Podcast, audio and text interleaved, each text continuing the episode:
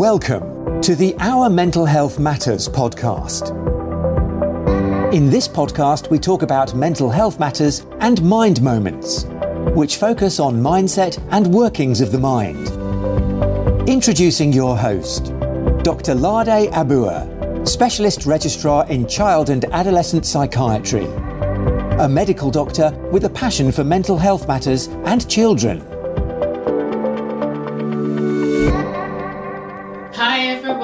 It's here. Welcome to our Mental Health Matters podcast. Today I will be talking about autism spectrum disorder. Uh, I've done a preview in one of the pre- uh, previous episodes where I'd uh, talked about autism and ADHD. And I will delve into autism a bit more today and probably finish it off in another episode. So, what is autism in general? Uh, autism, it, it's, it's, it's a spectrum of disorders, like a cohort that's used to describe difficulties that people generally have. It's used to describe difficulties they have in three cardinal areas. As it is a spectrum, some symptoms can be very prominent in one individual and not as prominent in the other. They are neurodevelopmental disorders, which means they're caused by abnormalities in the way the brain develops and works. And so the three cardinal areas in which these difficulties are experienced are impairments in social inter- interactions with others, impairments in communications, which would include both verbal and non-verbal. And lastly, they, they tend to have uh, difficulties with restricted, repetitive, and stereotypic patterns of behaviors, interests, or actions. As I said before, it, it is a spectrum. Uh, so you can have one of these uh, more prominent in one individual than the other. Likewise, uh, the level of intellectual impairment that can be seen in autism varies as well because it's a spectrum. So in one person, there can be severe intellectual impairment. And um, this will be different from intellectual disability. So let me quickly make that really clear now. As and uh, the individual is unable to speak or engage, or you know, just they, they engage in motor stereotypies and self injury, while another individual can have autism but be high functioning. Some people on the spectrum can have autism and still be highly intelligent. An example will be someone who's um, who has autism can also be a highly intelligent engineer, but you know maybe have that excessive or obsessive preoccupations with you know the repetitive and stereotypic uh, patterns of behaviors, interests, or activities I spoke about. So it tends to vary. And the thing to also note is that about 10% of people with autism have special abilities and skills. As I said in, in, in when I talked about the severe impairment, it should be noted that this autism is not explainable by intellectual impairment or, intellectual disability or global developmental delay. And to have all of this and have an impact on their functioning is mandatory. We can't have all of this uh, present and not have an impact on their functioning and still have a diagnosis. So it tends to have a huge impact on their functioning. So I'll just want to a couple of things that are quite important to note with autism spectrum disorder there is no specific known cause. So there are a couple of multifactorial things that are evident in the etiology, and etiology will be the cause. Usually, uh, we have different factors such as uh, genetics. Uh, we also have factors such as the environment. So these all tend to play a role uh, but they're not necessarily the cause of autism spectrum disorder. Another thing to note is that it has an onset in early life. Now, there must be absolutely evidence of unusual development in the first three years of life. The one that tends to vary with this is um, the one that used to be called Asperger's syndrome, but it's not called that anymore. It's just that now falls under that umbrella of autism spectrum disorder. Previously, individuals with uh, Asperger's used to have absolutely no unusual development in the first three years of life. But it also, there would have been certain things that would have been evident. So to note again, uncertain early life, there's delay or deviance of development of key psychological functions. I'll talk about this briefly and spend a, a couple of minutes on that. So, Asperger's is a type that used to be, you know, is, is a term that used to be used for some higher functioning people on the autism spectrum who have intellectual ability in the average range or higher range, and they have no delays in learning to talk. Many often have, you know, intense interests such as trains, buses, engines, or dinosaurs. And uh, they, in that syndrome that I mean, you know, that now falls on the autism spectrum disorder, they used to have absolutely uh, very little in terms of unusual development. So to, to tease out uh, these areas, I'm going to focus now on um, qualitative impairment in social interactions. Now, the emphasis must be that it is qualitative impairment and not just for it to be present in such individuals. With social interactions, again, there's a wide variation in expression in different people. So it could vary from a total lack of awareness of another person, you know, while interacting with them to intrusive social approaches that are inappropriate to the context or the environment and I, I'll give examples now. So some individuals are unable to make eye contact often, you know, only in brief glances, while some can make eye contact, but it will be, you know, the, the opposite of them will be inappropriate at the time.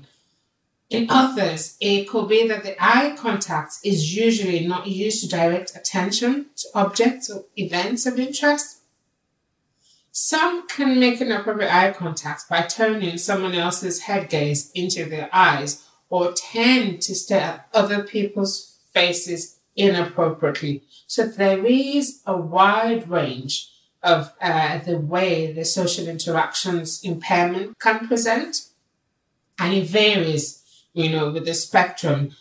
Others, you know, have been known to make indiscriminate approaches to strangers, while others would absolutely, absolutely, completely not interrupt, not interact with a stranger. Even if the stranger talks to them, you see them, you know, not respond, not shy away. So that's that's like the variation that we're talking about, or the, and that we often see.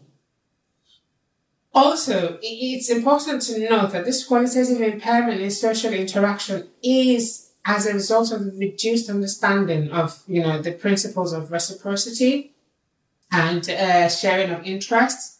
That's, you know, inherent in friendship as well as reduction of awareness in social etiquettes. An example will be how uh, to respond or what to do and when to do it when it comes to social interactions with others. So people with autism struggle with these areas. And this is related to something I'm going to spend a, a short time on now. This is related to the theory of the mind, which in autism is usually, you know, lacking or really reduced. And to put it simply, it's just a, a, a lack of the ability to see things from um, other people's perspective or that lack of ability to understand things uh, from people's um, views or opinions or thinking or emotion. So to, to, to state it, the theory of the mind is the ability to attribute mental states to oneself and others around. To be able to understand them, understand their belief, understand their desires, understand their, their emotions, understand their thoughts. That's the theory of the mind. And that is really lacking in autism. it is very important for social interaction, which is where, because people who have autism lack this, they are, they, they find social interactions quite difficult. So when interacting with other people, you tend to follow their cues, well, you know, facial expression or body language or the emotion they express towards you as an individual. Now, with autism, that is completely different because they can relate to the, they find it hard to understand and to be able to grasp it. So this tends to develop gradually. It tends to develop very early in life. And um, by the age of three, a lot of uh, people have developed this theory of the mind, which is why we say that autism is usually really quite evident from, you know, you can see some symptoms, you can see some signs from before the age of three, because the theory of the mind, you know, develops around that period. So if at that time it's already becoming evident that this, you know, the, they find social interactions quite difficult, it's showing that the theory of the mind is not developing as it should, and there's probably a lack or a reduction of it in and you know in the individual. So it's not only in uh, autism that the theory of the mind uh, is lacking or reduced. It's found it's you know it's reduced in a variety of other things as well. Um, it's reduced in other mental health disorders like schizophrenia. But with autism, when that is there, and the other three things that I mentioned, the qualitative impairment in communications, that's both verbal and non-verbal, and the restricted, repetitive, and stereotypic patterns of behaviors uh, that's seen with people with autism.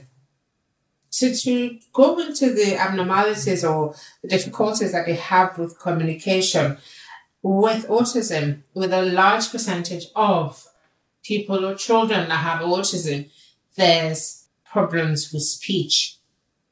Ideally, by the age of two years, normally you would have ex- expected, you know, a good level and a good ground of uh, speech to be established. But with autism, this is usually uh, a bit impaired. And this can also be seen with um, the nonverbal communications as well. So it's not just the, the speech.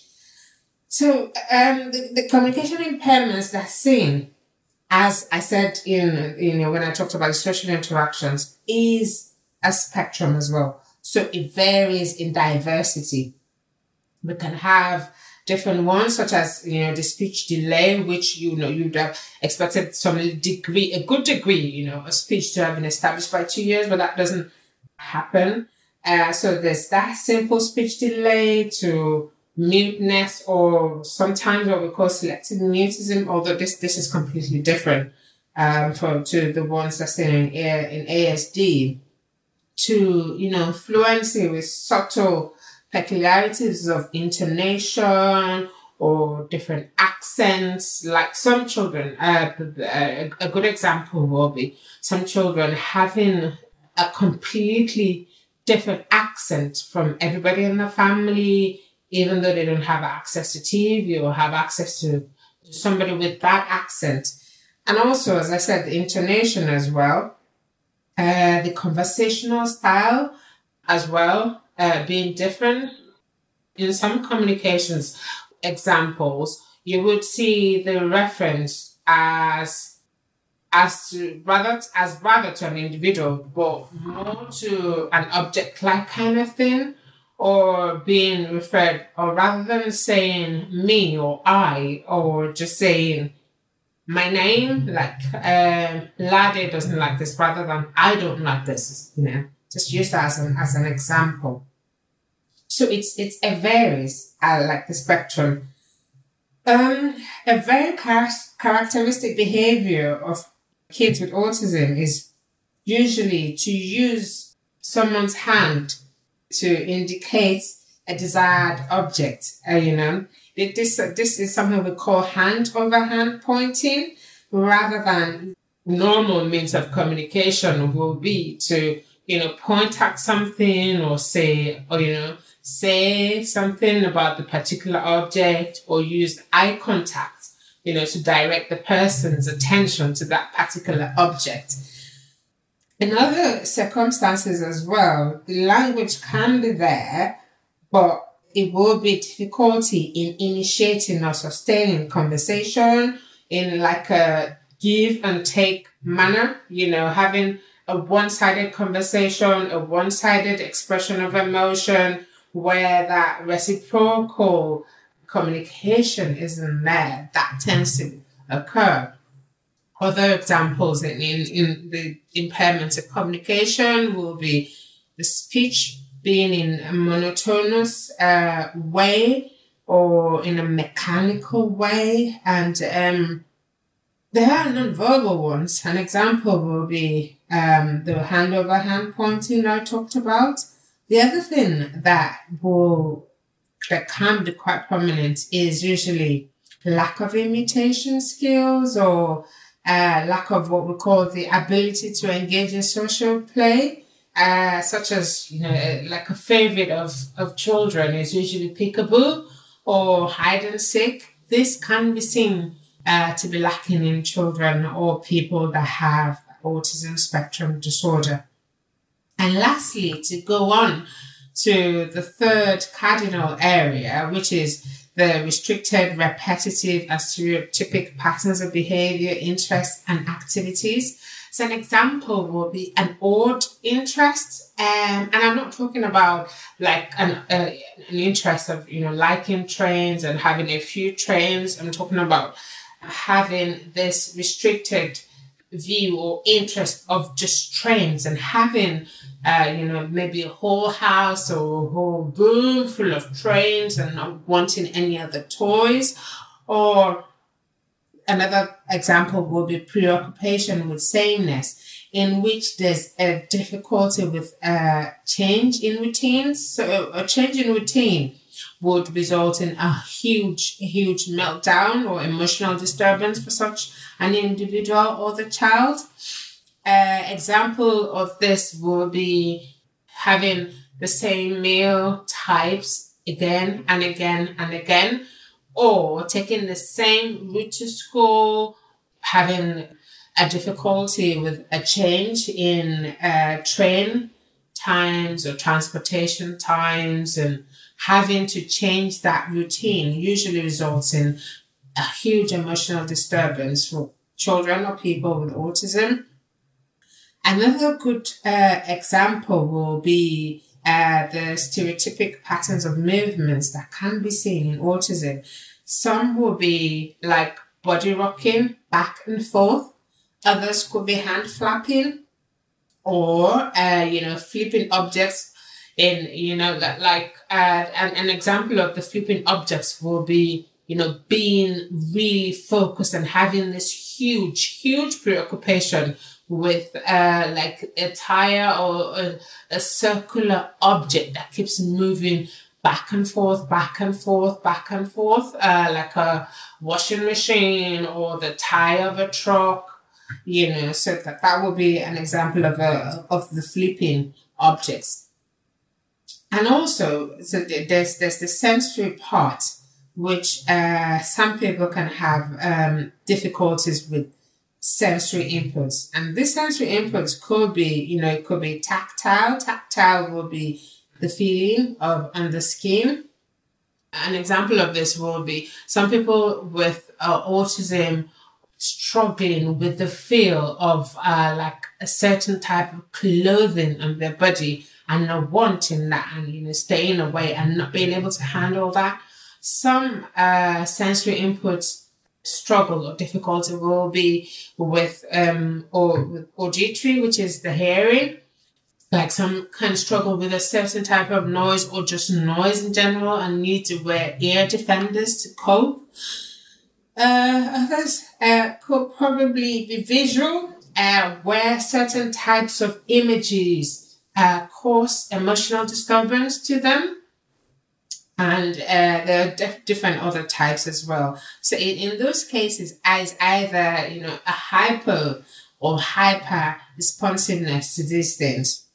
And like I said at the beginning, all those three uh, points are present in individuals that have autism to varying degrees because it, it is a spectrum.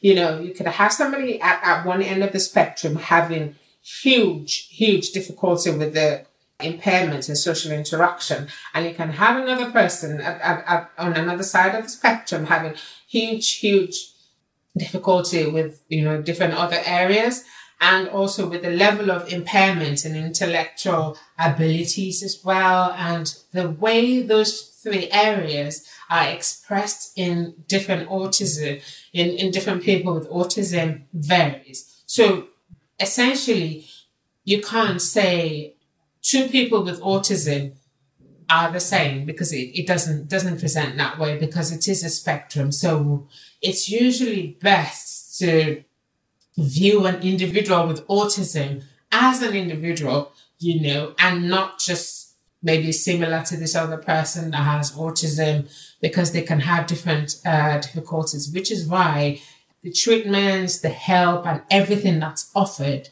is tailored to the particular individual, tailored to what the person really struggles with, tailored to what the person, what, what part of, of the autism expression is causing impacts on their daily lives or on their functioning.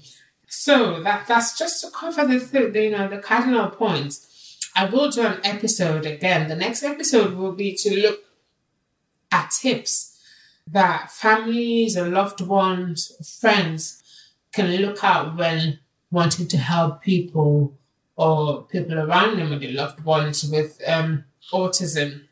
So until next time, thank you for listening. Uh, this is Lande. Join us on our Facebook page or group, our Mental Health Matters. And over there, you can, if you have any topics that you'd like me to go into or any feedback for the episodes, please kindly put them on. And I will get back to you and uh, look into what's been suggested as feedback or what's the kind of topics uh, that will be looked into for further episodes. So thank you for listening. And remember, empower your mind, empower your life. Until next time, goodbye. Thanks for listening to the Our Mental Health Matters podcast.